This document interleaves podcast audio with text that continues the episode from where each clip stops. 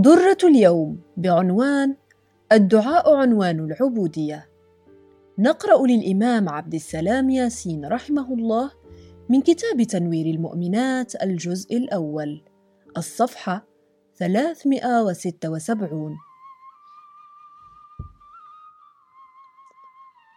يقول الإمام وغنم الموفقات والموفقون أعمارهم بلياليها. صدقوا الله ورسوله. وسلموا وآمنوا وفوضوا.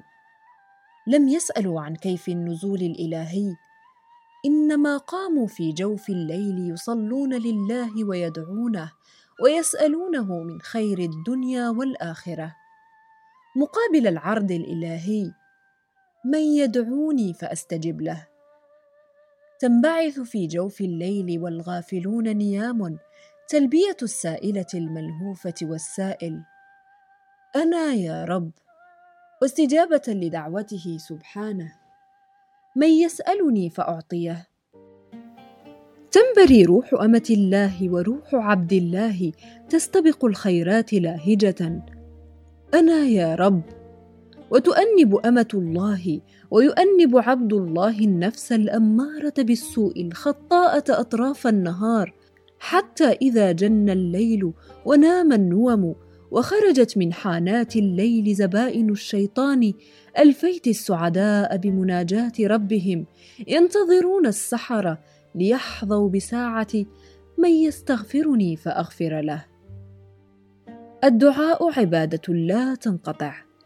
المداومة عليها والمواظبة والصبر هي الطريق إلى رضا الله عز وجل. إن كان الإعراض عن الدعاء والتراخي فيه معرضا لغضب الله. كما لا يرتفع فرض الصلاة عن المكلفات والمكلفين الزاما. كذلك لا تفتر الموفقات ولا يفتر الموفقون عن ذكر الله ودعائه والتضرع إليه التزاما مدى الحياة. وإن الله لا يمل حتى تملوا كما جاء في الحديث. المواظبة واستغراق الأوقات في الذكر والدعاء والصبر على ذلك. من نواقض الدعاء ونواقصه الملل والاستعجال. قال رسول الله صلى الله عليه وسلم يستجاب لأحدكم ما لم يعجل. يقول دعوت ربي فلم يستجب لي أخرجه الجماعة إلا النسائي عن أبي هريرة. يستحب الدعاء خفية وتضرعا إن كانت الداعية بمفردها. ويستحب لذلك الوضوء. الوضوء الدائم سلاح المؤمنات والمؤمنين. ويستحب استقبال القبلة ورفع اليدين. وتلح الداعية جازمة بأن الله عز وجل يسمعها ويستجيب لها مصداقا لقوله أجيب دعوة الداع إذا دعان. وللدعاء ساعات وأحوال مفضلة.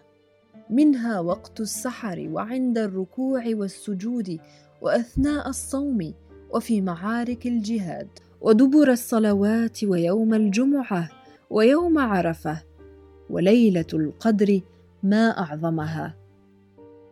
وتحفظ المؤمنات الأدعية المأثورة لافتتاح الصلاة وللدخول والخروج من البيت وللنوم والانتباه وللصباح والمساء ولكل الأحوال كالعطاس والأكل والشرب والسفر ولدعاء الاستخارة مكانة خاصة تفوض الأمة إلى ربها وتستنجد به بعد تدبير أمورها بحكمة العقل والشرع.